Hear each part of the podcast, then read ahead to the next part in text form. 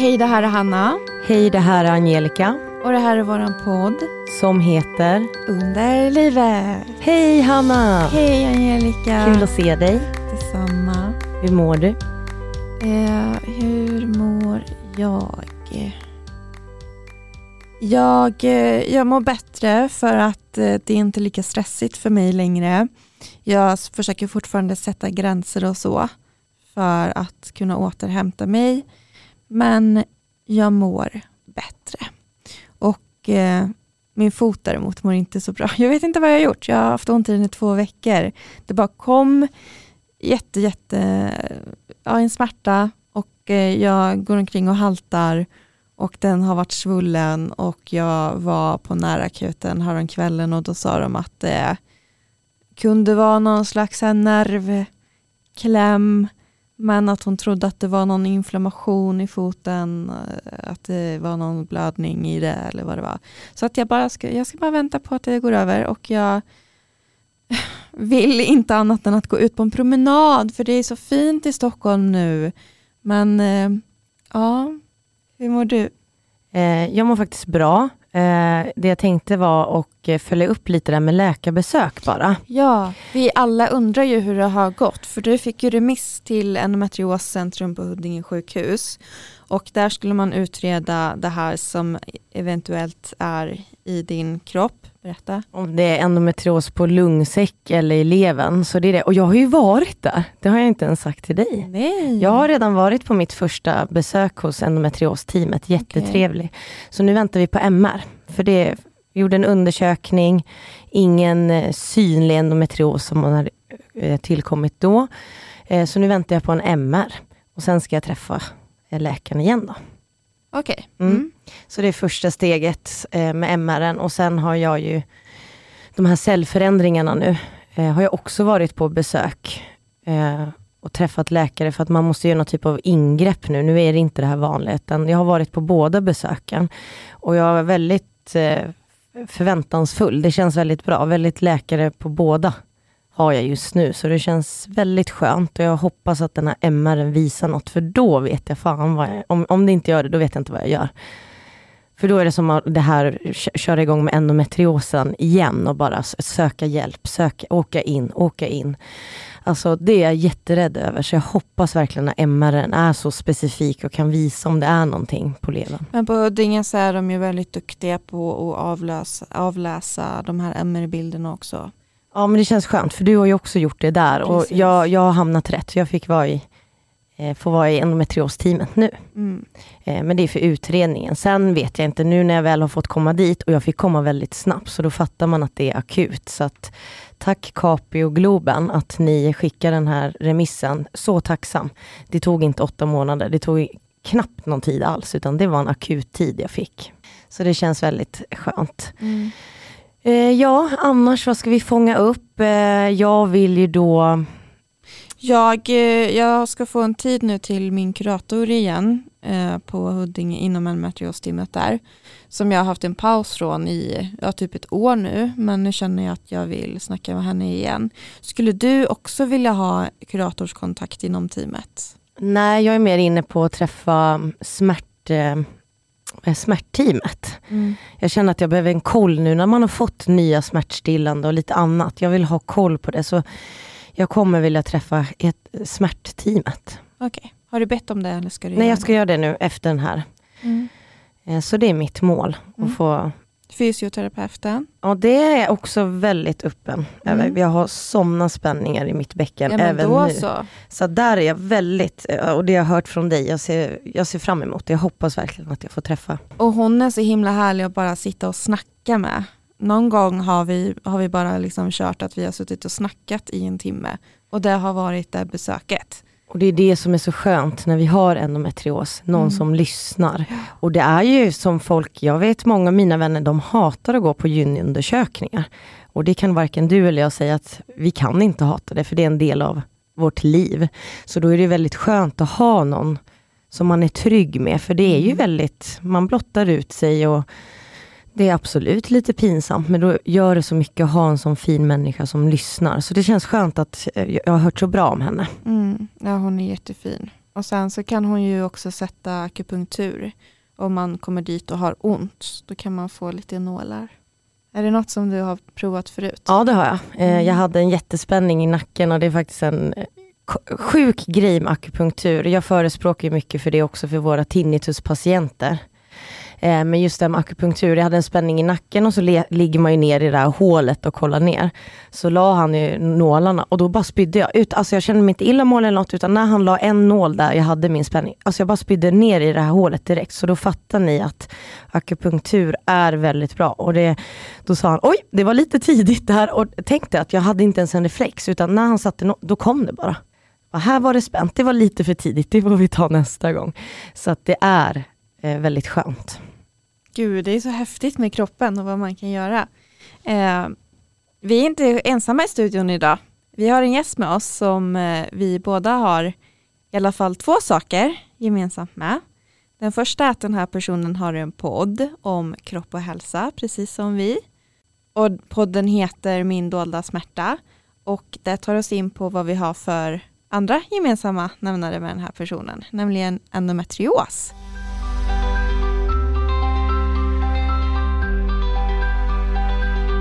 Hej Athena! Hej! Hej! Hallå! Så kul att du har kommit till oss och nu är vi då tre endometriosare här inne i studion. Mm. Vi vill ju veta lite mer om dig. Berätta lite om mig själv. Okej, då ska vi se här. Jag heter Athena Afshari, jag bor i Stockholm, flyttade hit för ungefär nio år sedan, tror jag det var, eh, när jag började, plugga journalistik. Och eh, sen Var flyttar du ifrån? Från Uppsala. Ja. Yes, born and raised. Nej, men jag flyttade till Stockholm för att plugga journalistik och sen så uh, började jag jobba med eh, radio. Ett ganska långt tag, sen det jättemycket radio. Eh, sen så hamnade jag i entertainmentbranschen, började jobba lite med tv, webb, youtube. Jag har också jobbat mycket med podcasts.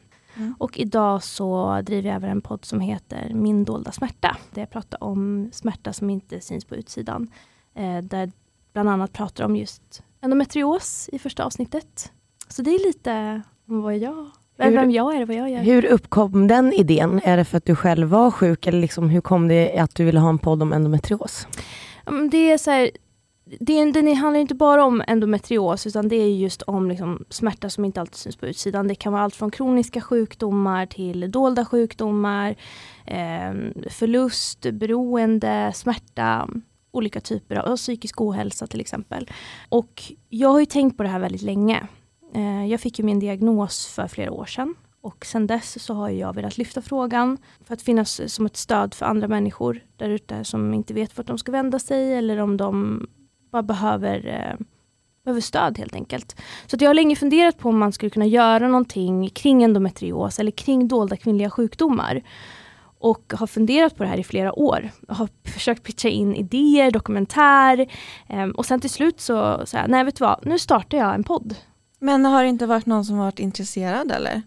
Jo, det har funnits ett intresse men inte tillräckligt stort Ja. intresse för att det jag ska göra det rörligt. Mm. Så då tänkte jag att vet du vad, eh, jag tar tag i det här själv, eller inte helt själv utan jag har ju fått hjälp av min fantastiska producent eh, Martin Forsström och eh, So You, eh, Andreas Segerfeldt eh, och massa andra personer som har varit involverade i det här projektet. Och eh, jag och eh, Martin har ju suttit flera gånger, flera omgångar och pratat fram och tillbaka hur vi ska göra, hur vi ska få det här att hända och sen till slut så tänkte vi att ah, vi kör på, vi kör en podcast och bjuder in gäster och försöker belysa olika ämnen. Viktiga ämnen. Det är väl en jättebra början. Det kan ju bli något mer, kanske en dokumentär eller något. Det är väl en jättebra liksom, början Ja, att liksom börja förhoppning. prata om det här. Jag hoppas verkligen det. Jag hoppas verkligen det. Så får, vi får se vart det leder. Förhoppningsvis så blir det en till säsong nu till hösten. Vi håller tummarna. Jag har ju ett annat jobb också som jag jobbar med vid sidan av. Så att vi försöker få ihop det helt enkelt. Men för mig känns det viktigt ändå att, att, eh, att få ut budskapet och att människor där ute och lyssnarna känner att de faktiskt får ut någonting av att lyssna på podden. Jag lyssnar på podden och jag tycker att den är så bra. Ja men tack! Jag lyssnade på vägen hit om avsnittet, eh, på avsnittet om eh, panikångest och eh, förlossningsskador. Med Wafa Wafa. Ja. Mm. Jättebra. Det var ett fint avsnitt faktiskt. När jag såg att din podd fanns första gången jag kom över den, då blev jag lite irriterad. Jag blev Varför då? lite, nej men jag tänkte så här, nu har vi konkurrens. En till, en till podd om endometrios. Men det sköljde över mig ganska så snabbt. För Ja. jag kände också, men vad fan är det här för person som sitter och tänker så här? Nej Det här är ju helt fantastiskt. Ja, Eh, och nu sitter du ju här ja såklart. och Ja, pratar om din podd för att vi tycker att det är så otroligt viktigt och att vi tillsammans kan hjälpas åt och sprida kunskap om endometrios. ja men självklart och det är ju fler som pratar om det desto bättre och Ja. sen så är det ju olika vinklar också. Eh, Jag nämner ju till exempel, som jag nämnde tidigare, att jag lyfter ju inte endast eh, endometrios utan det är även andra sjukdomar som Mm. lyfts i podden. Mm. Och det ni gör är ju helt fantastiskt. Jag lyssnar ju på er podd innan jag eh, startar min dolda smärta, så jag vet ju vilka ni är. Så att, eh, för vi, vem av er är det som har samma gyne- gynekolog som jag? Det är jag. Anna-Sofie Det är Melin. jag. Ah, Melin. Ja. ja, vad bra. För Vi bondar över allt här nu.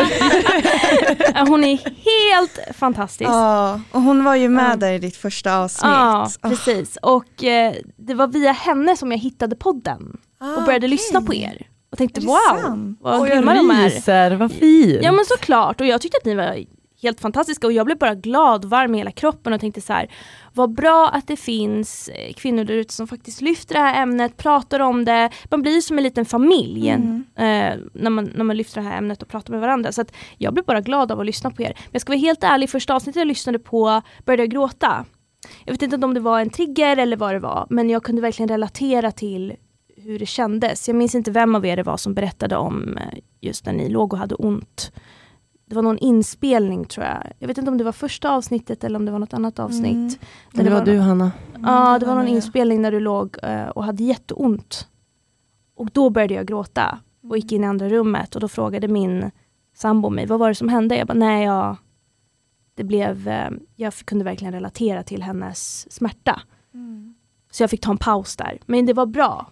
Det där är ju, Men den Ja. reaktionen, att du reagerar så tänker jag också säger någonting om hur, hur lite man har fått relatera. mm, Att det, liksom, det finns inte situationer i vardagen där man faktiskt får känna att jag är inte ensam utan tvärtom. Alla känslor som är kopplade till endometrios så känner man sig så jäkla ensam. Och sen när det kommer någon sån här grej som man faktiskt kan relatera till hos någon annan så blir det ju så jäkla starkt. mm, Kan ni känna som jag, alltså, när, antingen om man lyssnar genom sitt eget, när man har klippt det, eller din podd, eller någon annan sån här väldigt djup podd, att man måste ha ett visst mode för att orka ta sig igenom det, som andra som kanske är friska inte känner på samma sätt, utan din reaktion, jag kanske hade velat lyssna då på din podd hemma, inte på vägen till jobbet, för jag vet inte hur jag reagerar, för det blir en Precis. trigger. Liksom. Så jag vill alltid känna mig lite beredd innan man lyssnar på de här. Och det är, det är ju viktigt, men det är just det att man, man tar åt sig så mycket själv och bara, gud jag är inte ensam. Och det, det är nog det som gör att man blir lite ledsen tror jag, när man ja, lyssnar. man måste vara mentalt redo. Jag Ja. hade faktiskt det här samtalet med en vän häromdagen där hon sa att jag har inte lyssnat på, på endometriosavsnittet än.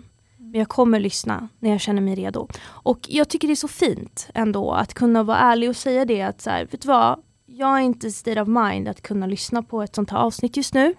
Men jag kommer göra det och jag kan verkligen relatera till det där. För att ibland så orkar man bara inte. Man kan inte ta in den energin just där och då. Ehm, men jag, jag är i alla fall jättetacksam över att, att den här podden som ni driver finns. Den är Mm. jätteviktig och jättebra. Och det är samma. Jag var bara cynisk där i, vi, i någon timme. Men det där, kan, ja, det där är ganska vanligt. Så här, vi, det där känner jag också en sån här grej, att vi kvinnor måste sluta känna att vi är varandras konkurrenter. Det, alltså det där är toxic. Tänk Mm. dig män där ute, de liksom klappar varandra på axeln och du vet bra. det är så sjukt att det blir en första reaktion. Ja. Jag vet ju, för jag pratar ju med Hanna, vi är ju, pratar ju varje dag liksom och bara, vad är det här för podd? Man blir ju så här. Men det är liksom första reaktionen. Men jag skäms. Nej, jag skäms jättemycket. Men det, det sen är en normal ju- reaktion, precis som Ja, du säger. nej men det är hemskt att det är våran reaktion som du säger. Vi ska också klappa varandra på axeln och det är därför vi vill ha, eller ha dig här idag. Att vi måste belysa tillsammans om det här dolda som finns. Även om det är endometrios eller panikångest, vad som helst. Verkligen, men kan inte ni berätta varför ni bestämde er för att starta den här podden? Många vet ju det här redan som har lyssnat. Men jag låg ju sjuk i corona i tre månader förra året. Oj! Riktigt dålig var jag. Och blev väldigt rastlös, för man får inte gå ut, man får inte göra något. Så sen när jag började må bättre, så laddade jag hem spanska kurs, jag ville börja spela gitarr, alltså jag ville göra någonting. Sen kom jag på att, vad är jag duktig på? Jag, kan, jag är inte musikalisk, ingenting. Men jag kan prata. Men jag vill inte prata själv. Men jag vill skapa en podd. Och då hade jag ju följt Hanna på endometriosen, som var min första, det här som vi pratar om. Det här Ett konto på Instagram. Ja, Mm. kontot på Instagram.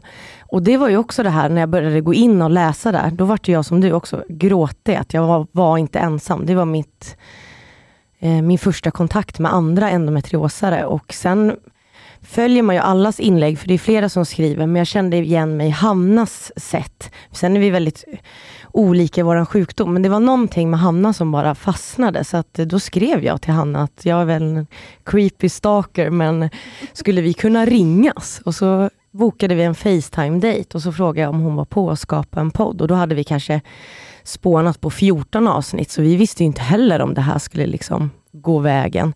Men vi sa det att vi testar. Eh, och vi, första gången vi spelade in avsnittet, det var första gången vi sågs. Ja, vad modigt och vad häftigt ändå. Jag gillar det. Mer sånt. Jag kommer ihåg Hanna, för vi hade ju Facetime och jag satt i mitt kök och du vet så här, träff, träffas och hej, eh, jag heter Angelica, jag följer dig på Instagram. Som en arbetsintervju. Ja, jag är också sjuk. Eh, jag har en idé. Vill du skapa en podd? Och du vet, då var det så här, gud, vem ska jag fråga annars? Jag vill Mm. ändå, nu gör du själv, men min reaktion var att jag ville ha perspektiv. Jag ville att vi skulle vara två.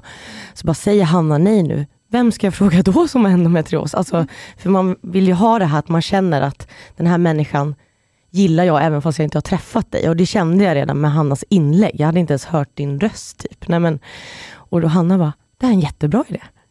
Direkt Mm. tog det den. Mm. Sen Såklart. Ja men precis, såklart. såklart. Athena, hur mår du idag? Idag är en mindre bra dag, om jag ska vara helt ärlig. Igår så blödde jag jättemycket och hade väldigt, väldigt ont i magen. Jag gick på smärtstillande hela dagen och hade min värmekudde. Som tur är så kunde jag jobba hemifrån, eh, som de flesta gör just nu. Och eh, jobbade från sängen, eh, från soffan, satt ibland. Men ni vet ju själva hur det är. Det är skitjobbigt. Du blir varm i hela kroppen och så här, ingenting funkar, du är på jättekonstigt humör, det gör ont och man vill bara sova. Så att igår var en mindre bra dag och idag känner jag att jag fortfarande har ont eh, men det är bättre än gårdagen. Så det är lite bättre. Kan du känna så när du har ont, eller båda två, att man liksom hamnar lite i standby-läge? Nu håller jag på att visa, men att man kan liksom, du har mycket att göra, men du bara liksom stannar upp för att du har så ont. Liksom. Man har ju nästan inget val. Nej, men- Nu när du säger att du låg i sängen och jobbade, då blir jag jätteimponerad över att du kan klara av att använda din hjärna i den här smärtan. Exakt. Ja det har ju blivit lite så att jag försöker bli bättre på det där att jag brukar kalla det för duktiga flickan eh, Mm. vilket många andra också gör, att, att försöka vara ärlig med hur jag mår Mm. och faktiskt säga ifrån och säga nej jag orkar inte jobba idag. Men igår så kände jag ändå att det är fredag, jag har, det är lite så här, jag, jag fixar de arbetsuppgifterna som jag har idag och jag kan göra det från sängen. Men jag har blivit bättre på att faktiskt säga nej när jag inte orkar och bara stänga av datorn. Det kunde jag absolut inte göra förut. Då var det här, bit ihop, kämpa på, sluta klaga, gör det bara. Ingen, du ska inte visa dig svag. Och jag vet inte om ni kan relatera till den känslan. Jo, Jo. Absolut. Mm. Vad var det som ledde dig till den punkten då du kände att jag kan inte vara den här duktiga flickan längre utan jag måste börja ta avstånd från saker när jag behöver det. För att kroppen eh, säger ju ifrån till slut. Mm. Jag har ingen or- jag- Det var någon period där jag inte hade någon ork kvar. Jag grät konstant för jag var så utmattad. Och kände verkligen att jag hade kört slut på mig själv. Både mentalt och, och fysiskt. Och det var då det blev som en liten wake-up call att fortsätter du så här då kommer du gå in i väggen och du kommer inte orka göra någonting. För jag är en väldigt aktiv och social person som gillar att ha mycket att göra. Jag mår bra av det. Men jag börjar märka nu med åren att du mår inte så bra av det. Utan du måste lära dig att ta det lugnt och när du inte orkar så måste du säga nej. Och Det här är också en återkommande sak som faktiskt eh, nämns många gånger av eh, mina fantastiska gäster i podden. Att de också säger att så här, vi har lärt oss att säga nej. Och det hade man svårt för tidigare.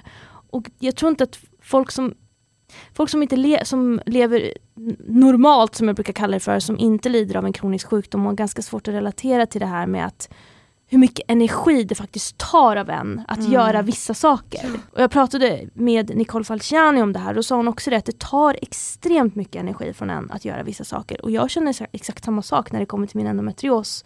Att ibland orkar jag inte gå upp från sängen. Ibland orkar jag inte gå på promenad. Jag orkar inte ens prata ibland. Det är liksom på den nivån. Mm. Men det är, jätte, alltså det är extremt svårt att relatera till det om du själv inte är i det. Nej. Och det här är ju också det här, jag har också som dig fått med åren, är det att man blir äldre och klokare? Kanske är det, men just mm. det här att eh, bara under det här poddåret, det här att känna sig svag. Vad är, mm. alltså det är inget, det är inget så nederlag. Alltså så här, det var ju verkligen jobbigt att säga nej, för man kände sig ju så dum. Mm. Men att känna sig svag är ju väldigt fint, för det är ju det är något du gör för dig själv, liksom, att lyssna på din kropp. Mm. Men just det att folk ser en svag, det var ju lite det man alltid bara, åh nej, ja, men som du, man köttar på ändå. Mm. Och sen till slut när du kommer hem har du inga ork att göra någonting för dig själv, men man gör det för andra. Varför lyssnar man inte på sig själv? Liksom? Mm. När du är som svagast, det är då du är som allra starkast. Mm. Att våga visa sig sårbar som du säger Angelica. Att det faktiskt är otroligt, otroligt modigt att kunna faktiskt lyssna på sig själv och eh, veta sina begränsningar. Det är också fint det här som Dag Tolstoj sa i vårt förra avsnitt. Och bara när du behöver återhämta dig från saker, då är det för mycket. Mm. Man ska mm. inte behöva, behöva återhämta Nej. sig. Så är det ju. Mm. Det är verkligen sant. Mm. Men hur kan en dålig dag se ut för er två? Alltså jag har ju jag har smärta varje dag. Jag har inte Vilken bara nivå med... har du smärtgrad? Eh, alltså jag brukar säga att den är, väldigt, att den är lågintensiv. Den är inte så att jag behöver, eller det är den också att jag behöver åka in akut. Eh, fast jag inte gör det för att man ligger hemma och, och försöker hantera det själv. Men att den är mer lågintensiv med de där topparna som gör att jag behöver den här extra hjälpen. Jag tar opiater varje dag för att orka. Um, och uh, ja, det har, blivit, det har ju blivit uh, ett, en smärtsjukdom som endometriosen har lett till. Så en dålig dag, ja, den kan se väldigt hemskt Jag vet inte om jag ens vill gå in på det egentligen. Nej, det behöver du inte göra. Nej men det är väl jättebra förklarat. Mm, jag, jag, mm. jag har också en mollande verk, men det är, låg inte, alltså det är precis det jag har också. Ja, även om den är lågintensiv så blir man så himla utmattad mm. av den. För att man får aldrig någonsin en paus. Det är, för det är liksom inte bara de här eh, jätteenorma smärttopparna som är det som man blir utmattad av och, och som blir för mycket. Utan det är också det här att, att ha smärta varje dag. Mm. Att vakna upp med den och att somna i smärta. Mm. Sen är det mycket annat som påverkas också. Alltså du får ju, man får ju ont i sin kropp, man får ont i huvudet, man kan känna sig illamående.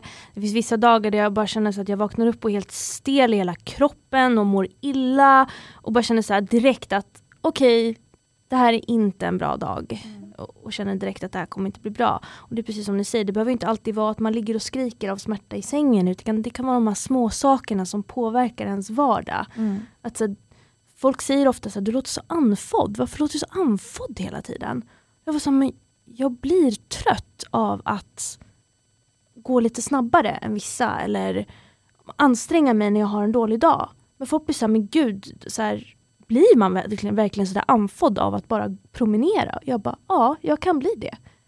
Och det är ju en dålig dag, där känner Ja, jag igen ja. mig så absolut. Men när man vaknar sådär en dålig dag, då är man ju hemma.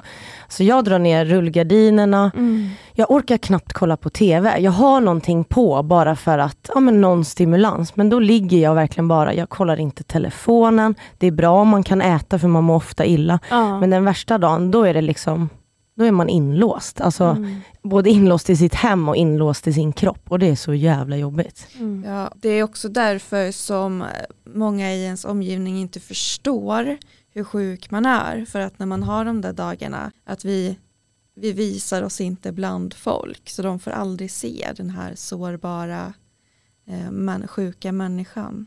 Hur är du där? Brukar du inte dra dig undan? Eller? Både ja och nej. Mm. Nu har jag blivit ganska öppen med hur jag mår. Men jag skulle nog säga att jag var mer så när jag var yngre. Mina närmsta kunde se mig när jag hade väldigt ont men när jag gick till skolan eller när jag var liksom bland folk så visade inte jag att jag mådde dåligt utan det var någonting som jag höll för mig själv. Mm.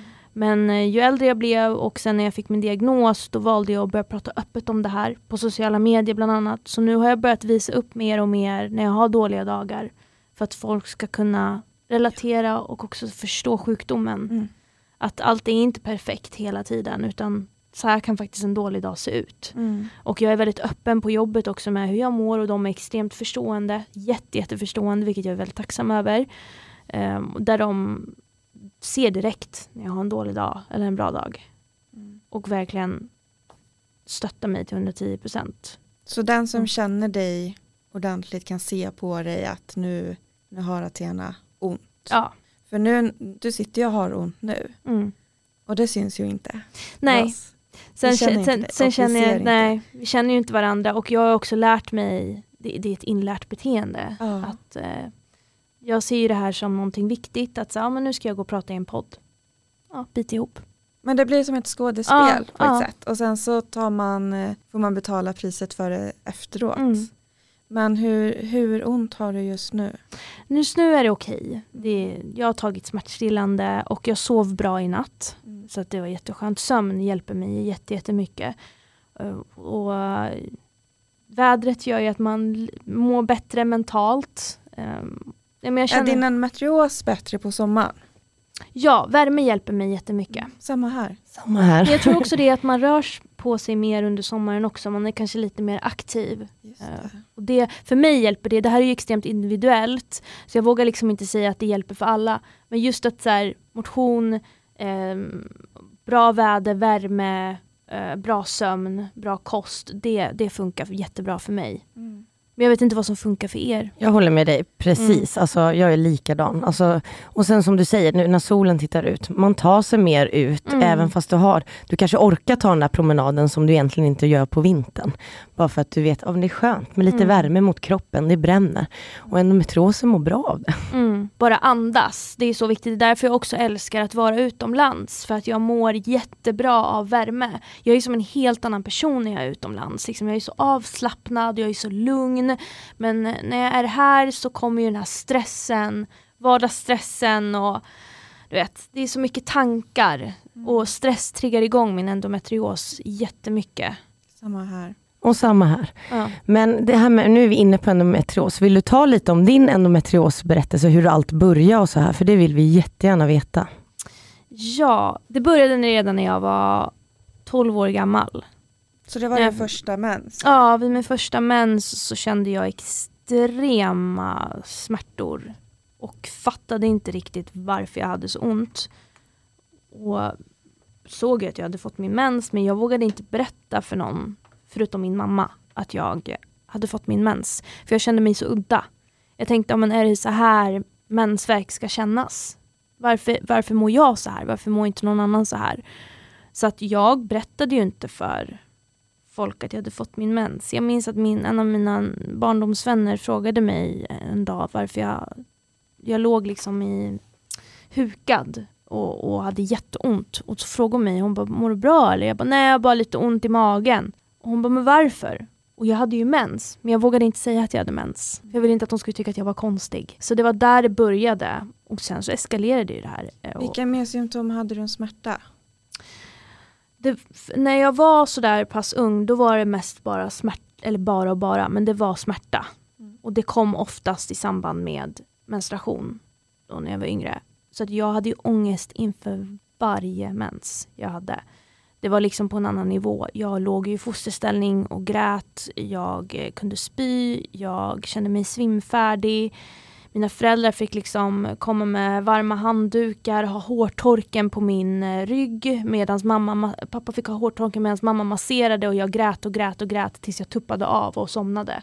Och så där var det liksom varje månad. Eh, och mina föräldrar visste inte vad de skulle göra. Så det var ju bara smärtstillande, smärtstillande, smärtstillande.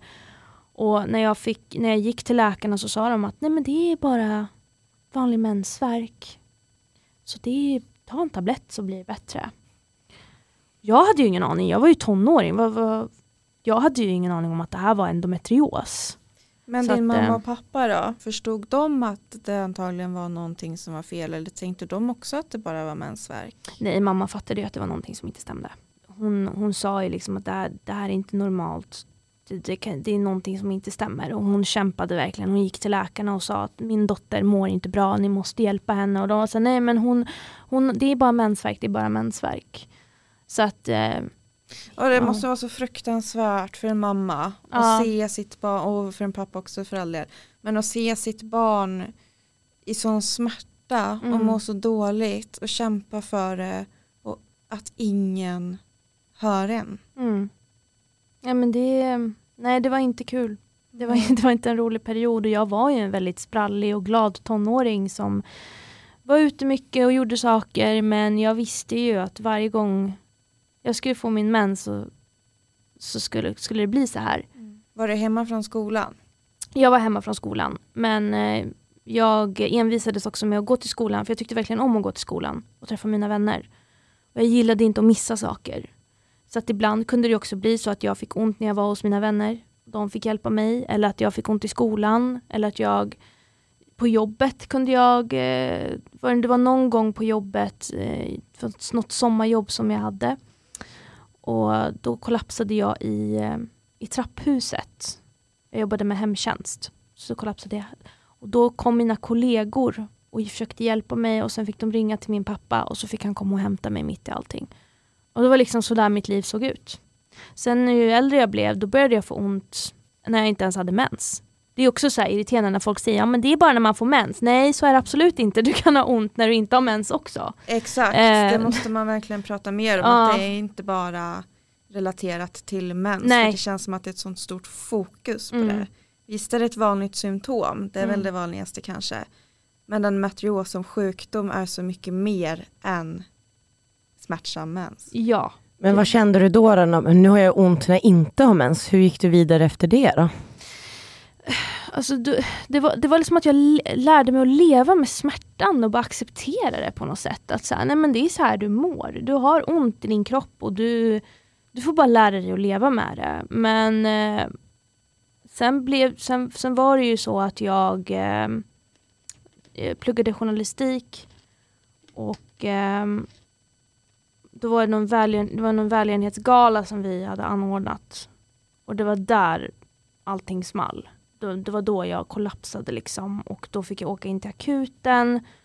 Och så låg jag och skrek i timmar. De gav mig liksom morfin och det hjälpte inte. Och de var så här, alltså vi har ingen aning om vad det är för fel på dig liksom. Så fick jag åka till med ambulans till ett annat sjukhus. Och så fick jag ligga där och jag bara skrek och skrek och skrek. Och mina föräldrar bara, vad är, vad är det som händer? Så här.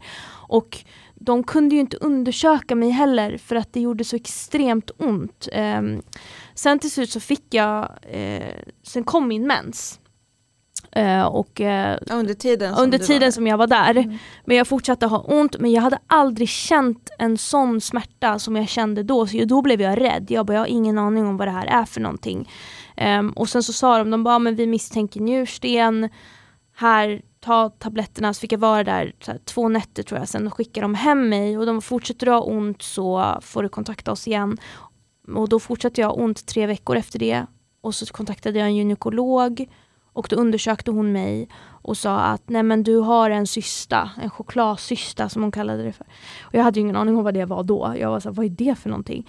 Eh, och så sa hon, ja men den och för är... de som inte vet då, så kan vi säga att det är det är också ett symptom på en matrios och det är ju när blod kapslas ihop till en cysta. Precis, precis. Och eh, hon sa att den var lika stor som en Jaffa-apelsin. Visade hon så här, men, "Åh, du måste opereras.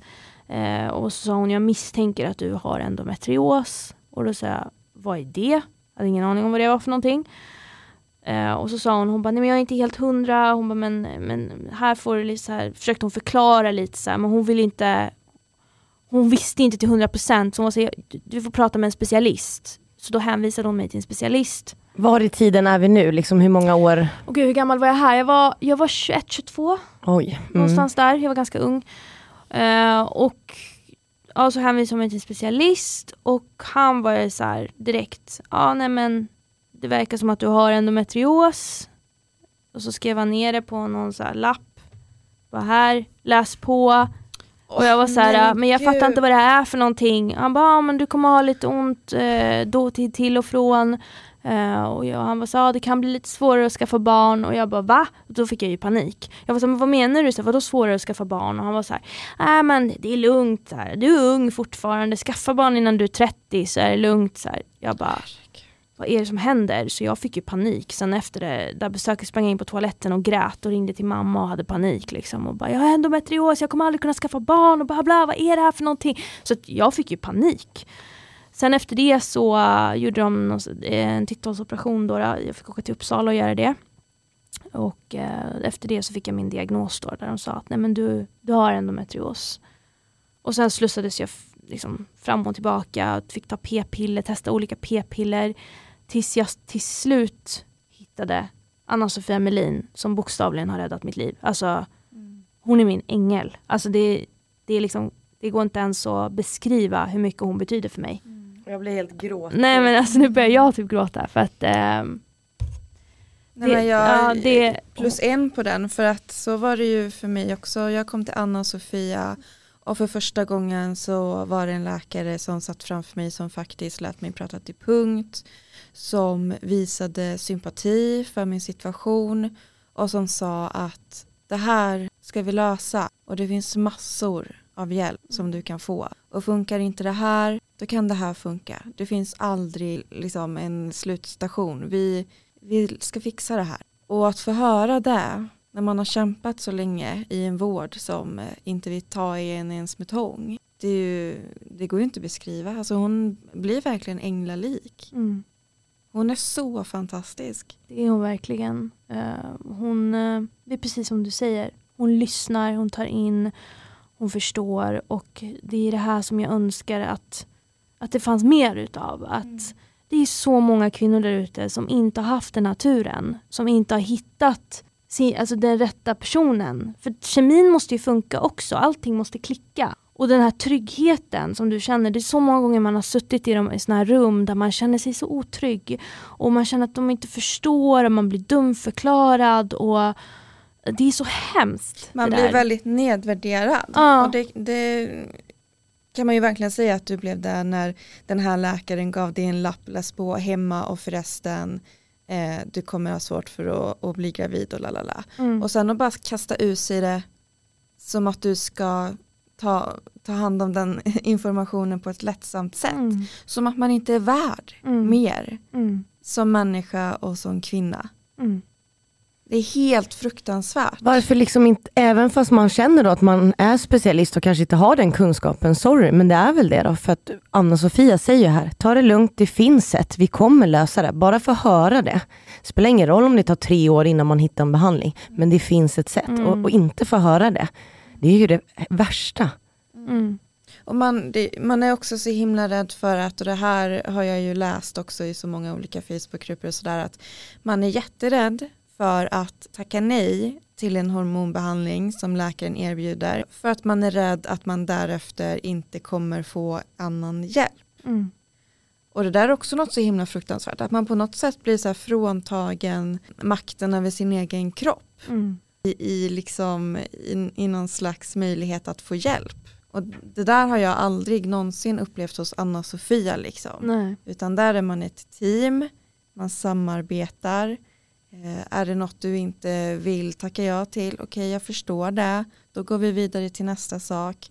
Det finns alltid någonting mer att prova. Mm. Eh, och man ska inte heller må dåligt på vägen. Man ska inte må dåligt av sin hormonbehandling. Man ska inte stå ut med biverkningar hit och dit. Man, eh, man har kvar sitt värde som människa och som kvinna hos henne. Verkligen. Nej, men jag håller med. Och jag säger alltid det att jag önskar att, att fler kvinnor kunde, kunde få, få den hjälp som du ger. Liksom. Att det fanns fler som kunde ge den här hjälpen. För att den har verkligen förändrat mitt liv. Jag kommer alltid leva med den här sjukdomen. Det, är liksom, det, det, det har man accepterat. Men det går ju alltid att göra det till det bättre. Liksom. Och hon gör det till det bättre. Det är därför jag också känner någon slags ansvar. Du kan inte bara lämna alla andra i stick sticket nu. Du måste på något sätt försöka göra allt i din makt för att sprida kunskap om den här sjukdomen. Försöka göra så att fler får den här möjligheten och får den hjälp som de faktiskt förtjänar. För det är ont i hjärtat när man läser i de här grupperna, när man ser de här bilderna på kvinnor som åker in till akuten fram och tillbaka, slussas runt till olika läkare. Tonåringar som skriver och säger att de inte får hjälp. Och det är så här, deras liv är ju förstört liksom. Känner det... du någon skuld för att du får bra vård? Jag kan absolut känna skuld ibland. Det är liksom också därför jag triggade igång och, och startade podden, för jag kände att det är det minsta jag kan göra. Liksom, jag försöker prata om det så mycket jag kan, jag försöker lyfta ämnet så mycket jag kan, men Anledningen till varför jag frågar är för att jag själv gör det. Mm. Eh, och det säger ju någonting om hur det ser ut i samhället och kring den här vården. Mm. Men någonting som, det är så sjukt, för jag har ju bott i Göteborg, jag bor i Ås, Örebro, lite överallt. Eh, när jag väl fick eh, min diagnos, då visste jag vem Anna-Sofia var från Göteborg. För att det var det som folk pratade om. Och när jag flyttade hit, alltså jag, jag skojar inte, jag verkligen letade upp vad hon var. Sen har jag en jättebra eh, kollega till henne nu istället. Men det var liksom som du sa, jag, jag, behövde så jag behövde hjälp så jag bara skrek. Jag liksom letade upp och bad om att få komma till henne och nu fick jag komma till hennes kollega men de samarbetar ju. Mm, mm. Men det var verkligen så desperat. Jag bara, jag är så glad att jag är från Stockholm och kan flytta hem och få den här vården. Så det är så himla sorgligt de här som vi pratar om nu som slussas fram och tillbaka och inte får det här. Okej, okay, det finns saker vi kan göra utan de, de, det är klart de åker in. Alltså man har ju sådär ont som du säger när mamma och pappa stod med hårfön och varma handdukar. Det är ju inte normalt. Det är klart man ska åka in. Men så slussas du som du också gjorde fram och tillbaka, fram mm. och tillbaka. Jag ville bara säga att jag visste vem hon var också, in, även fast jag inte ens bodde i Stockholm. Då. Och det är väldigt sjukt. Mm. Men då när du kom till Anna-Sofia, då började du en behandling. Då. Och vad, vad har du för behandling idag? Och lite sånt här vill jag veta också. Alltså jag går ju på vanlig sån här hormonbehandling, p-piller. Eh, då, då Nu har jag tagit en liten paus, för att jag känner att jag måste göra det ibland. Eh, och det, det tog ganska lång tid innan jag hittade de tabletterna som funkade för mig. Vi fick testa flera olika, jag testade till och med hormonspiral och det är det värsta jag gjort i hela mitt liv. Nu säger jag inte att det är så för alla andra, det var så det var för mig. Eh, jag hade bokstavligen eh, ont eh, fyra månader. Varje dag hade jag ont. Och det var inte den här uh, att det kom till och från utan det var liksom som första mensdagen. Det var på den nivån. Eh, varje dag? Ja, varje dag. Alltså det var, det var ett helvete. Ursäkta att jag svär. Men det, jag mådde verkligen skit under hela den här perioden. Eh, och då tog, bestämde jag bara att nej men jag måste ta ut den, jag klarar inte det här. Sen så fick jag testa liksom, eh, p-piller fram och tillbaka tills jag till slut hittade några som funkade för mig. Och nu går jag på dem och försöker hitta andra sätt att må bättre. Som till exempel träning, eh, kosten, bra sömn. Eh, jag vet att jag måste meditera för att det hjälper för mig att slappna av. Men jag är jättedålig på det och jag måste bli bättre på det. Men vad går ni på för typ av eh, behandling idag? Jag har ju hormonspiral, det fick jag efter min operation. De satte in den direkt. Och sen har jag eh, någon minipiller, tror jag mm. det är, och Provera. Och sen smärtstillande. Mm. Så jag har väl det allt. Jag har inte tagit sprutorna och så som Hanna, men Jag har väl allt och jag känner också så här, jag kan inte bara ta en paus där för att nu mår jag faktiskt bra och det har jag sagt i avsnitt innan. Men det är sjukt egentligen hur mycket hormoner man har i sin kropp. Mm. Men just nu har jag ändå en, jag har ont men den smärtan är hanterbar och det är helt sjukt. Men jag vågar inte sluta nu, jag är inte där verkligen. Nej. Men jag förstår dig. Och vilka, vilken smärtstillande tar du? Eh, Alvedon, Naproxen. Eh, sen har jag ju Oxynorm, Palexia och så har jag gamla Citodon, alltså allt. Ja, Oxynorm tog jag igår kväll innan jag skulle gå och lägga mig. Det, alltså det är starka tabletter det här. Ja, men jag känner ju inte Det- hjälp av dem och det här har jag ju pratat med Hanna om. Vi ska gå in på vad du har för behandling. Men först vill jag bara säga att jag är väldigt tacksam att få sitta här. Jag mår så bra nu att få träffa er och få prata om den här sjukdomen med någon som förstår. Så jag är nästan, jag är väldigt rörd av att få vara här idag. Tack detsamma. Ja, alltså det, jag, när jag lyssnar på er båda, man blir så här, gud jag är inte ensam, kom ihåg det. De här tjejerna kan jag ju faktiskt skriva till om jag har ont. Självklart. Eh, men just där, Oxynorm hjälper ju inte ens när man har de här topparna. Och sen började jag ju också där eh, hos Anna-Sofias kollega. Och Palexia visste inte jag vad det var, utan jag hade ju bara hört av Hanna. Men nu har jag ju vågat ta det och det hjälper mig. Alltså jag visar mina kompisar, för jag har ju ont hela tiden, men när jag tog Palexian så bara, kolla hur jag rör mig. De bara, vad menar du? Nej men alltså jag känner på ett, alltså jag känner min, det känns inte som att det är någonting i mitt underliv. Utan Palexian hjälper mig den här lilla stunden och bara få känna mig normal. Så att det är min akuttablett och jag är inte rädd för att ta den nu, men jag har, Bra. Mm. jag har verkligen börjat ta den vid de här skoven när jag är hemma från jobbet. Men Oxynormen hjälper inte tycker jag. Nej. Men det är också viktigt att man tar tabletten innan man är på den där allra Exakt, toppen. när man börjar känna att så här, oj Mm. nu, är, nu är det på väg, nu är det på väg. Det är då man eh, tar de här smärtstillande tabletterna. Exakt så. Och du är faktiskt inne på en väldigt intressant grej, just så här, överlevnadsstrategier. Att så här, man har lärt sig hur ens kropp fungerar på något sätt. Även fast smärtan kan överraska en ibland så vet man ändå på ett ungefär att okej, nu är det någonting som kommer hända här. Så att jag har ju alltid med mig tabletter mensskydd, eh, alltså vetekudden brukar jag ta med mig ibland, men inte hela tiden för den är ganska jobbig att bära. bära. Men man har ju sina saker som man vill ha med sig. Mm. Om man inte har dem då får man panik. Ja, ja, ja, gud ja. Eh, Men du har också då, din smärtbehandling är Oxynorm eller? Nej, just nu är det det för att jag, eh, jag, vad heter det, jag har, har diskbrock också. Så att eh, då måste älskar mitt liv. eh, och sen, vad heter det? Sen, har jag, sen går jag på Naproxen och sen tar jag Ipren också. Så att det är liksom det jag brukar ta när jag, när jag får ont och sen så har jag eh, vad heter det, min vetekudde som jag är besatt av. Mm. Men du, diskbråck. Mm. Då tänker jag så här, det är kanske en smärta som folk kan relatera till lite mer. Är endometriossmärtan eller disk, smärtan från diskbråcket, vilken är värst? Oj. Det kanske inte heller går att svara på, de kanske är värst på sina olika vis. Det är verkligen smärta på olika vis Mm. skulle jag nog säga. Diskbrocken är ju mer att jag, eh, jag kan typ inte gå. Alltså ordentligt. Visst, när jag hamnar i skov så är det att jag liksom måste sitta på ett visst sätt. Jag kan inte gå, jag måste lägga mig på, på golvet för att vila ryggen. Men just endometrios, då är det så här, alltså jag kan ligga och skrika för att det, det är så mycket som händer på en gång i magen och i Mm. ländryggen. Och, Det är så intensivt. det är så intensivt, tack. Väldigt, väldigt intensivt. Man vet ju inte vart man ska ta vägen Nej. för att det gör så ont. Mm. Så att eh, diskbråck hjälper ändå att slappna av, ligga ner, ta det lugnt. Men det hjälper ju inte med eh, endometriossmärta. Men man kan knappt ligga still. Nej. Det är ju liksom, ni vet när det här med att man, man ligger på ett visst sätt i fosterställning och så försöker man trycka själv bara för att försöka liksom få bort den.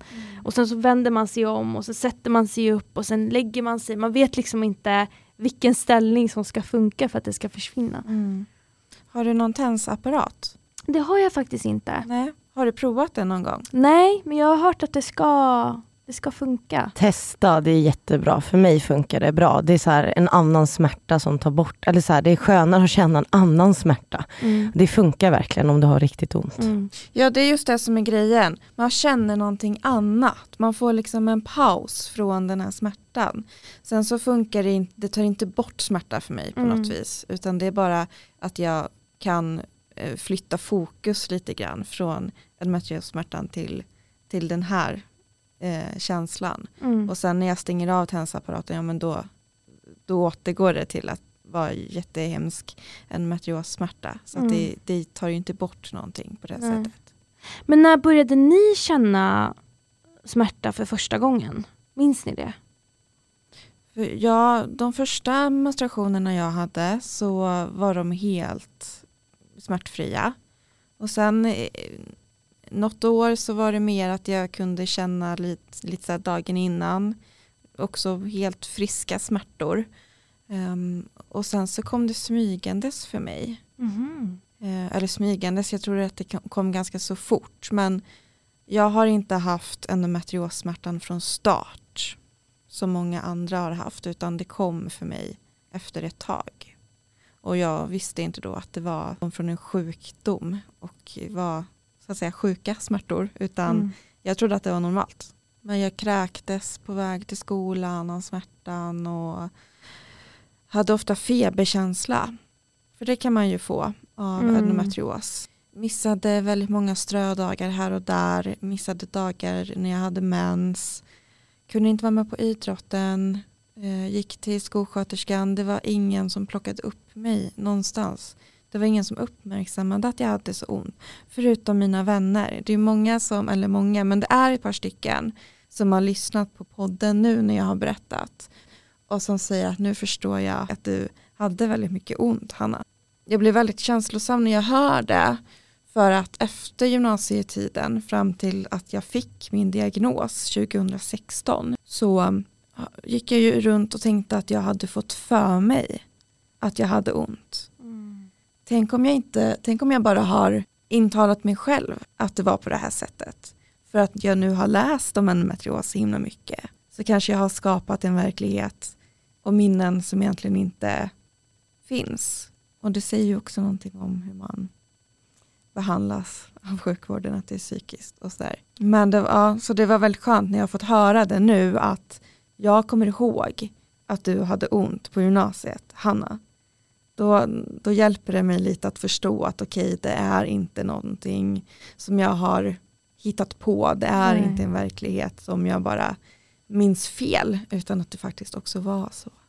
Och hur var det för dig Angelica?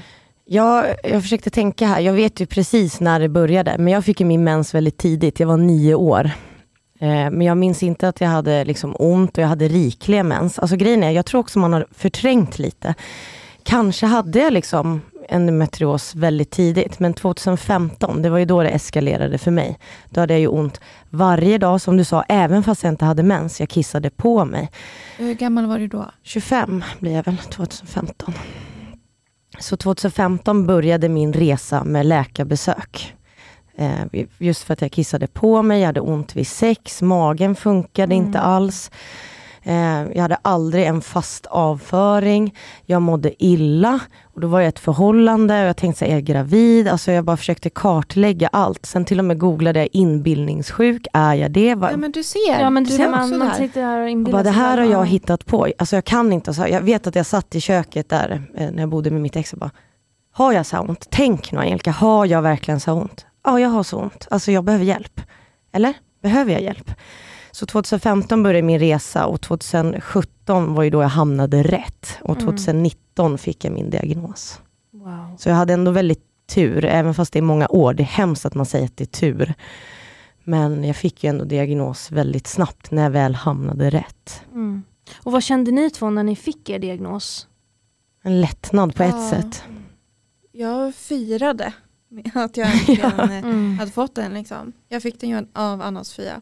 Så, så jättemärkligt att man kommer till en punkt då man känner sig glad över att få en diagnos. Mm. Men det var så skönt att kunna säga till folk, just det här med vänner. Jag är också jättesocial och umgås jättemycket med mina vänner. Mm. De bara, vad hände liksom? Det blev som dag och natt med dig. När jag började bli sjuk. Mm. Och sen var det så skönt att bara, tjejer, jag har endometrios. Och de bara, ja men du vet, alla blev så glada, nu vet vi vad det är. Mm. Alla hade googlat och hjälpt mig och mamma så, var ju också ett stort stöd som ni båda har haft, familjen. Hon bara, nej Angelica, ge dig inte. Det är något fel, precis som din mamma sa, att ge Mm. dig inte. Och Sen när man väl fick det där, det var verkligen så här, nej men det är helt sjukt. Alltså bara kunna säga det, jag har endometrios. Sen är det hemskt att man har det, men det vart sån himla lättnad. Men det blir en upprättelse liksom. Mm. Men den där glädjen försvann ganska så fort för mig när det väl sjönk in att okej, jag är kroniskt sjuk. Mm. Då blev det en annan kamp Precis. och en kamp som kom, den kommer ju pågå. Och för mig blev det också så här. Jag kände mig också arg över att jag inte fick tillräckligt mycket information när jag var tonåring. Och det är någonting som jag verkligen hoppas förändras med tiden. Att de faktiskt börjar prata om det här i skolan. Att så här, det, är så jäkla viktigt att lyfta ämnet och, och få ungdomar att förstå vad det här är för någonting. Och att, att den där tonåriga, tonåriga tjejen sitter i klassrummet och känner att ja, tack för att ni lyfter det här ämnet. Jag kan, jag kan, tack för att ni pratar om det. Jag Ja, känner igen mig, eller som du känner- sa, att du inte vågar säga att du hade nej, mens. Nej, Men att man bara får höra det. Men det här är jag, det är ju kanske inte mig det är fel på. Att man Nej. bara får höra någon prata om det. ja, ja, ja. Och det, det kände jag verkligen att jag saknade när jag var tonåring. Jag hade ingen att prata med. Jag liksom fick gå igenom det här helt själv. Visst, det gjorde att jag blev starkare, men det är inte kul. Idag kan vi sitta här tillsammans och prata om det, vilket är helt fantastiskt. Men jag hade jag nästan önskat att jag kunde ha gjort det tidigare, så att jag hade fattat varför. Ni kunde ha förstått varför ni har ont och inte istället tänka så här, ja ah, men inbillar jag mig? Och där är det också så här typiskt att man kommer tillbaka till det här att nej men du, du, du får inte må dåligt. Och du, om du mår dåligt så är det någonting du inbillar dig. För att vi ska vara så himla starka hela tiden. Jag har en kompis som sa till mig att när hennes dotter kommer upp i tonåren och så, Mm. tack för att du har lärt mig om endometrios, för jag ska vara jätteuppmärksam och se om det är någonting med mensen. Men bara här att, att det ska vara våran podd som gör det, det är helt sjukt. Men det är ändå bra att föräldrarna känner nu att de liksom är mer uppmärksamma med sina tjejer. Liksom. Mm. Och sen också så här anhöriga, att de känner att de faktiskt utbildar sig och, och får, får information om det här. Jag menar, min sambo är ju väldigt så här, för honom är det viktigt att han förstår vad det är jag går igenom. Så att han läser ju på, han tittar på olika eh, dokumentärer och försöker förstå vad det här är för någonting. Så att när jag väl hamnar i skov eller när jag mår dåligt så fattar han att så här, okej, det är på grund av det här. Eh, för det är också svårt så här, tänk dig när man börjar dejta någon att så här, det första man säger, hej, jag är kroniskt sjuk och jag har endometrios. Det är så här, man, man, man gör ju inte det. Jag gör- jag gör ju det nu. Ja, bra att du gör det nu. För det går inte att dejta om man inte, alltså det går inte att, ja vi är väl bra alla tre att vara skådespelare men man orkar ju inte heller. Ska man ge sig själv så måste jag säga det. Mm. För jag har ju jättemycket samlagssmärtor nästan jämt. Så att det blir ju så med en partner att man har sex och då vill jag liksom att det ska gå att pausa, att det är på mitt villkor. Att jag vill testa kanske men jag kan inte lova att jag kan fullfölja hela samlaget. Så att Nej. för mig är det så viktigt att säga, hej jag har endometrios. Liksom. Och det där är jätteviktigt, just det här med samlag, att faktiskt kunna vara ärlig och säga jag vill pausa och jag vill inte liksom, det gör för ont. Vilka symptom har du idag? Ehm, det är just uh, jätte, jätteont i ländryggen och i magen. Jag får väldigt ont i mina leder. Ehm, trötthet, extremt mycket trötthet och huvudvärk och illamående skulle jag nog säga. Eh, när jag har en jätte, jättedålig dag. Annars brukar det vara liksom att det, just främst vid ägglossning och vid menstruation, det är då jag mår som värst. Annars är det oftast att jag är väldigt trött eller att jag har väldigt ont i hela kroppen. Liksom. Hur hanterar du den tröttheten? Eh, vissa dagar så sover jag bara för att jag orkar inte och blir så arg och bara känner att, att jag inte orkar ta tag i det. Liksom. Andra, dra- andra dagar så känner jag nej, nu ska jag ta tag i det här och då brukar jag gå och träna. Mm. Eller gå ut på en promenad. Eller lyssna på jättehög musik och typ sjunga och dansa för att få mig själv att, att pigna till. Men det är så sjukt för vi alla tre, jag hatar den här tröttheten. Ja, att jag, ja. spelar ingen roll som du säger, sömn är ju så viktigt. Jag Mm. sover också jättemycket för det hjälper. Men att varje dag känna sig trött, jag är så jävla trött på att vara Mm. trött. Ja. Men det är som att ha en sjukdom i sig. Den här uh, sjukdomsrelaterade tröttheten, fatig. Att, alltså den, är, den äter upp en så jäkla mycket. Och jag har funnit mig själv i så många gånger i olika positioner i min lägenhet. Jag bara sitter ner och stirrar in i väggen och orkar inte. Mm. Diskmaskinen ska plockas ur. Mm. Jag orkar inte. Nej. Och jag tror att ingen förstår vad det är för slags trötthet man har förrän man har upplevt det själv. För det är ju ingen trötthet som försvinner om man sover eller tar en kaffe. Utan det är ju, alltså den är smärtsam. Ja, den är skitjobbig och jag, jag är inte så här jättefan att prata i telefon men ibland med vänner som inte bor i Stockholm och framförallt nu under corona vill man ha en Facetime-date eller någonting. Har man den, alltså man är ju trött men den här tröttheten när du bara vill dra dig undan. Alltså det är verkligen så här att jag bara Gud, ska jag verkligen orka ringa henne idag? Jag orkar inte det. Nej. Och vad är det för jobbigt? Jag kanske ligger i sängen och pratar i telefon. Men jag orkar inte. Så att det är en, tjej, en av mina bästa vänner som bor i Skottland nu. Hon bara, vad är det som har hänt? Vi har inte pratat på fyra veckor. Jag har haft den här, jag orkar inte bara, för jag vet att det är trevligt. Det är långa kom, samtal. det är långa samtal och så har du den här och bara, jag orkar inte. Jag orkar inte ens prata i telefon. Mm. Och vad är det för jobbigt egentligen? Du ligger hemma i sängen kanske. Mm. Det är det folk inte fattar. Det är det som är så jobbigt. Och, och jag, är också, jag kan också verkligen relatera till det. Att man, man, orkar, alltså man orkar inte tömma diskmaskinen, man orkar inte gå och borsta tänderna. Alltså du vet, här, man känner bara att allting är så jobbigt hela tiden. Och jag får ju så, skuld, så mycket skuldkänslor när jag känner att jag inte är tillräckligt social. Eller när jag tackar nej till saker. Eller om jag eh, inte har ringt någon på länge. Precis för mig är det väldigt viktigt att, att behålla mina eh, vänskapsrelationer och faktiskt vara uppdaterad på vad som händer i mina vänners liv. och Så här. Eh, så då får jag extremt mycket skuldkänslor. Och bara det är ju också så här, man blir helt dränerad. Man blir ju så här, gud det är så mycket känslor att man blir helt utmattad av det också. Nej men jag ställer alarm, alltså det här är helt sjukt. Kanske var torsdag klockan 19, då ska jag ringa Hanna. Nej men alltså det är på den nivån jag måste liksom planera för att också vårda Ja. mina vänskapsrelationer. Ja. Men det är det de inte fattar, att för mig är det en del av mitt schema Mm. att lägga in det här samtalet. Och har jag en, hur vet jag hur jag mår om torsdag nästa vecka? Det har jag ingen aning om. Och det är det också som är så jobbigt. Det går liksom inte att planera. Varje dag får man bara ta. Det går inte att veta att ja, men om jag ska gifta mig i sommar. Tänk om du har ont just den dagen. Det går ju aldrig att veta. Oh my god att du säger det. Alltså, jag pratade med, med, med Anna-Sofia om det här nyligen. Jag var så Anna-Sofia, nu har jag skjutit upp mitt bröllop för tredje gången, tredje gången gilt. Hoppas att jag kommer kunna gifta mig i slutet på sommaren, peppar peppar peppar. Jag bara men, jag måste börja med min hormonbehandling typ precis innan eller någonting. För jag kan inte ha mens på min bröllopsdag. Jag kan inte ha ont på min bröllopsdag. Och liksom att man ens tänker på det där sättet, att du måste liksom planera.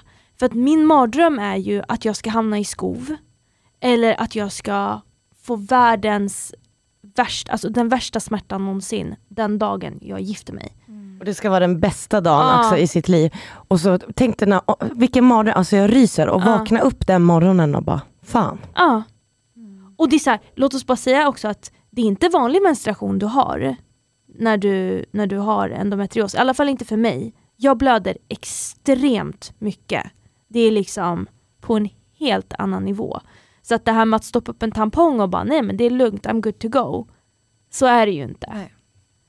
Så, så liksom, det är så intressant det du sa där med bröllop bara. Att så här, jag har Jag har inte världens- ens en kille men jag tänker redan. jag har världens ångest inför det. Att så här, hur kommer det sluta? Kommer jag ligga där i fosterställning i min bröllopsklänning och skrika och gråta på min bröllopsdag? Ja, och vem vi blöda igenom på bröllopsdagen också. Åh, Ja. Det är skönt att vi kan skratta åt det, men det är hemskt att man tänker så långt fram. Nu är ju du där i alla fall. Men det, är så, det är så våra liv är. Det är Ja, så det är skönt så att höra er. Det är sådana absurda situationer och det är som sådana absurda tankegångar man Ja. måste ha. Ja, och sen sorry att det blev mycket fokus på mens nu, för det är precis som du nämnde tidigare Hanna, det, men, endometrios är ju inte bara mensfokuserat, men just för min del, För din del ja, är det ju just det. för min Mm. del så är det väldigt, väldigt mycket mens. Mm. Och det är ju också ett symptom ju att man Ja. också har mycket mens. Men Athena, du var ju med i Malou efter tio. ja, Och jag tänker att det är bra att vi nämner det här apropå eh, läkare och eh, kunskapsluckor och så vidare. Eh, din insats i Malou efter tio var ju helt strålande. tack. Du satt där och pratade om din situation med endometrios tillsammans med Malou och så var det också en läkare med. Och vi, vi är så stolta över dig. Ja men tack. Du var verkligen så modig som satt där och berättade. Och eh, man blir så himla glad över att det finns sådana som du som faktiskt ger oss andra en röst.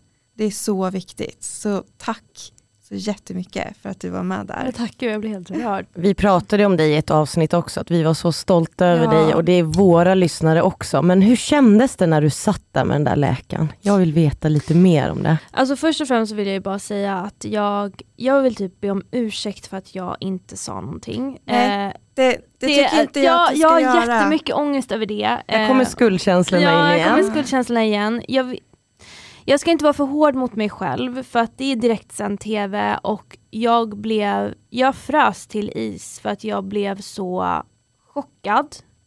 Och så blev jag, eller inte chockad för att vi har hört det här flera gånger från flera Fast läkare. Men jag blev chockad över gång. att det hände precis då i Mm. direktsänd tv och jag var så här, händer det här nu? Vad säger hon? Sa hon precis det där?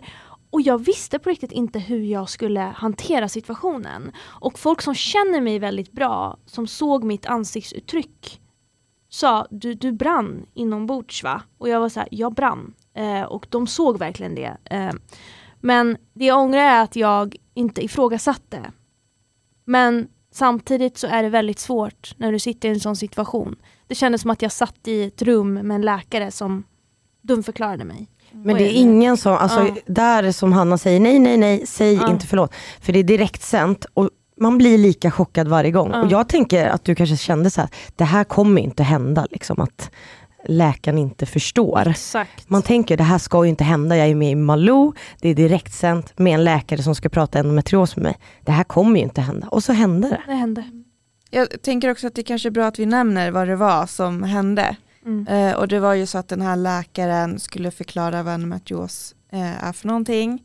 Och då ehm, tog hon upp saker som är förlegat. Hon, eh, hon tog upp myter som om det var sanningar. Bland annat om graviditet till exempel. Just det, att om man blir gravid så mår man bra under sin graviditet. Ja. Så länge man inte har mens så mår man bra. Och det är inte man mår sant. man mår toppen liksom. Och jag visste, det där, jag brann inombords. Nej men alltså jag, jag tänkte så här, sitter de på riktigt och säger att man mår toppen så är det ju absolut inte. Alla mår inte alls toppen under en graviditet. Just det, hon använde sig till och med av Eh, och ordet. ja, nej, det var en väldigt, väldigt speciell och jobbig situation och jag blev väldigt upprörd över de sakerna som hon sa och jag är inte den enda obviously. Det var jättemånga som blev upprörda vilket jag förstår. Det där är ju också en trigger.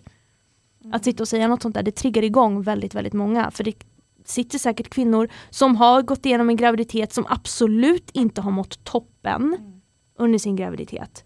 Ehm, Så hur fan kan man använda det? nej. Toppen! Ja, nej. Så att, eh, Fruktansvärt.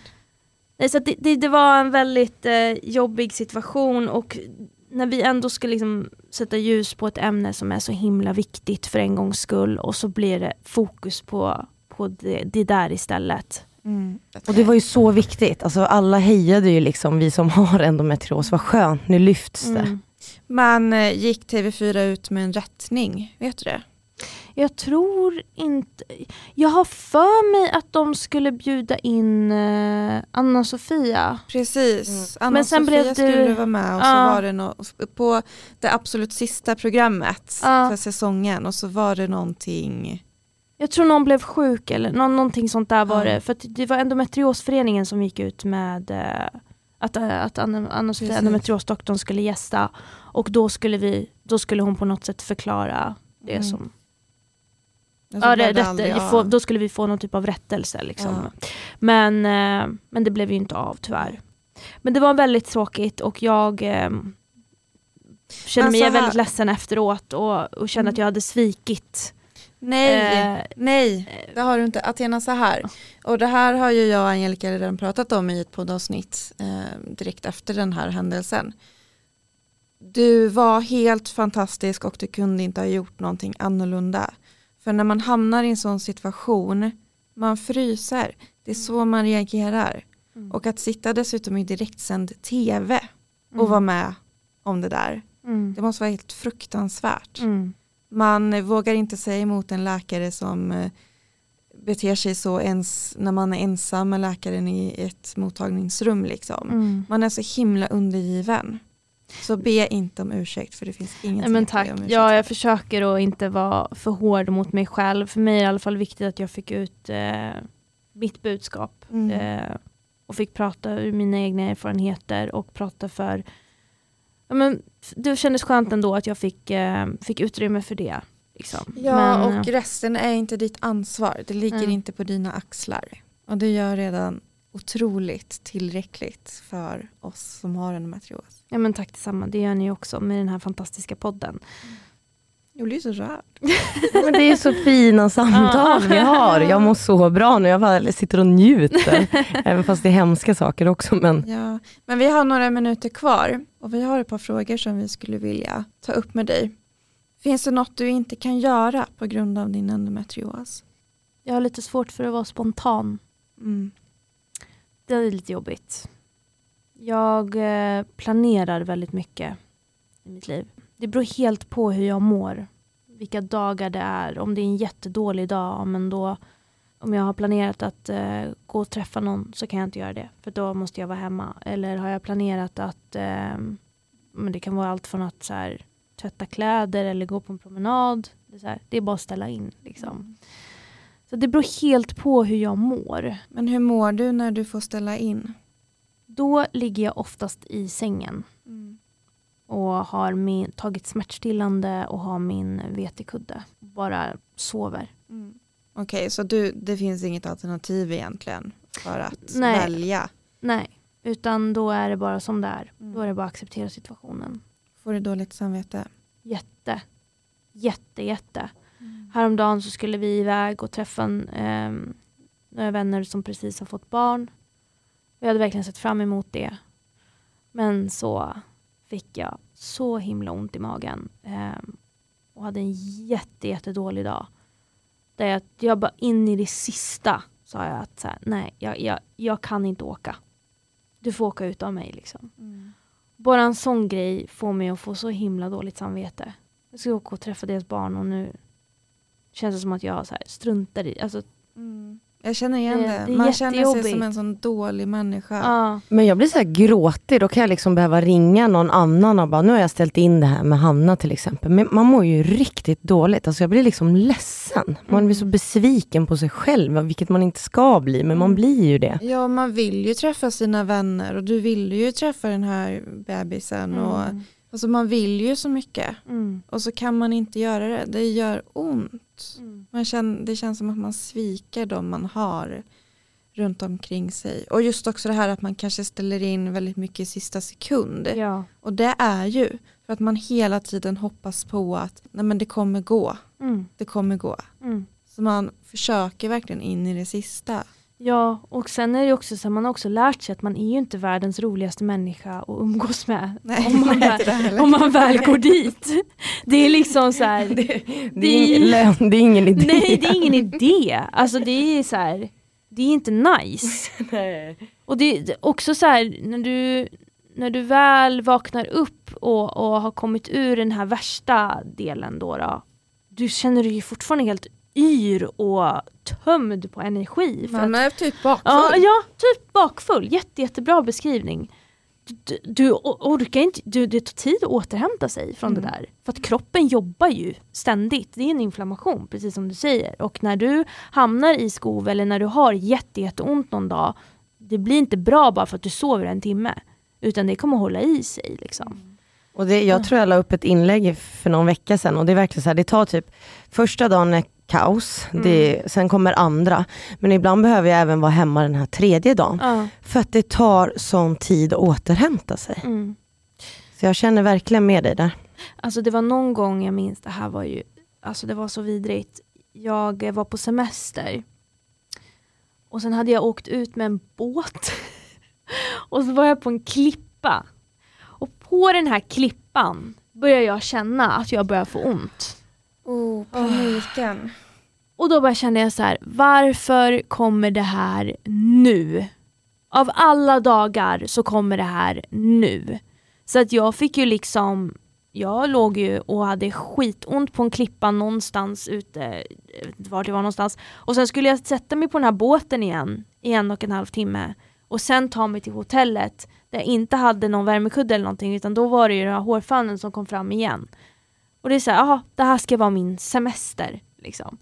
Så det är ju verkligen så här, det är jättesvårt. Man vet ju inte vilka Nej. dagar som man kommer må bra, vilka dagar man kommer må dåligt. Så att det är extremt svårt att, att vara spontan och liksom, även när du planerar så vet du inte hur du kommer må. Liksom. Du som planerar lika mycket som jag verkar göra. Ja. Kontrollbehov. Kontrollbehov, känner du att, som jag kan känna så att jag planerar det här nu bara för att det kan jag göra, men så vet man att även när den dagen kommer så kommer jag ändå inte kunna lyckas. För det spelar ingen roll hur min kalender ser ut. Det var en, en kompis till mig som sa, alltså din ka kalender ser ut som en så här palettkarta med färg. För det är liksom, man försöker vara så strukturerad för att det, man mår bra och sen kommer den här dagen ändå så kan vi ändå inte göra det. ja. Undrar om man liksom planerar det här bara för att är det ett hopp för en själv? Jag vet inte varför man är så strukturerad. Nej. Liksom. Det är Vad- känner du? intressant. Nej, men det, du är inne på något väldigt intressant där, för jag har också extremt mycket kontrollbehov. Alltså jag har jätte- jättemycket kontrollbehov och jag vet liksom inte vad det grundar sig i men jag försöker planera varenda detalj i mitt liv. Och när det inte blir som jag har planerat då fallerar hela min värld. Liksom. Ja, exakt. Då fallerar allt. allt, Bra allt, beskrivet. Det är exakt fallerar. så det känns. Så, men det skulle ju bli så här och då, så här, då försöker också min sambo förklara för mig att så, här, ibland blir det inte saker och ting som man har planerat men det är okej, liksom. det kommer en ny dag.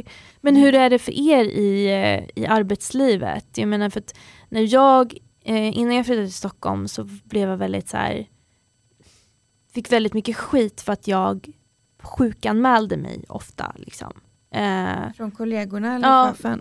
både och. Blev det en snackis liksom? Det blev Ah, en åh, fy snackis, ja, men hon är den som sjukanmäler sig. Så, här. så att det där liksom satte sig någonstans väldigt djupt i mig att så här, nu ska du aldrig mer vara den som folk säger sjukanmäler sig hela tiden. Så att det där är också någonting som jag jobbar med väldigt mycket. Att så här, jag måste ta mig ur det där för nu är jag väldigt, jag är extremt rädd för att prestera dåligt. Så jag är en väldigt högpresterande människa.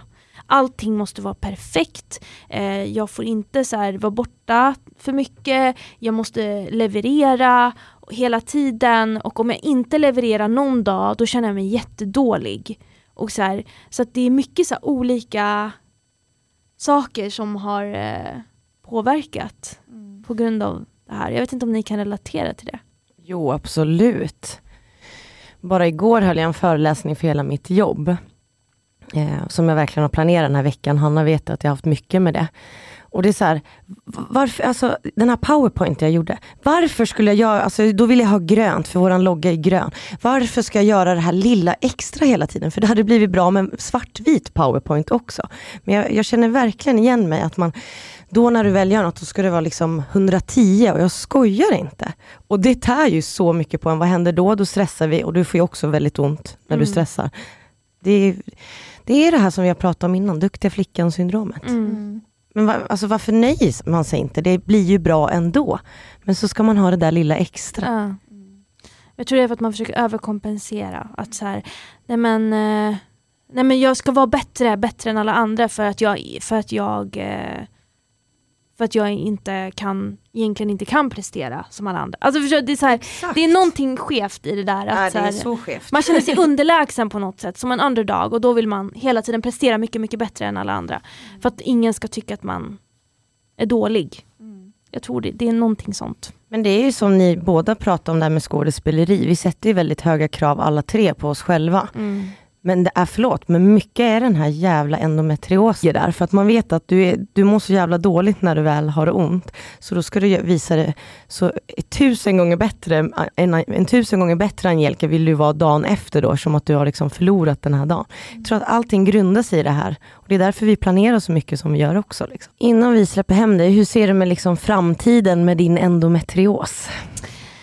Ja, just nu så känns det bra. Jag är glad över den hjälp som jag får av min fantastiska gynekolog. Eh, och jag tror mycket på det här med att man själv kan göra väldigt mycket. Eh, att lyssna på kroppen eh, och fokusera på saker och ting som får mig att må bra. Då tror jag faktiskt att det kommer bli bra. Jag som du nämnde tidigare, har accepterat att jag lever med en kronisk sjukdom. Eh, men eh, det bästa jag kan göra är att försöka tänka positivt och må bra helt enkelt.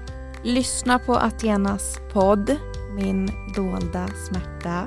Tack för att du kom. Ja, men tack för att jag fick Tack, komma verkligen.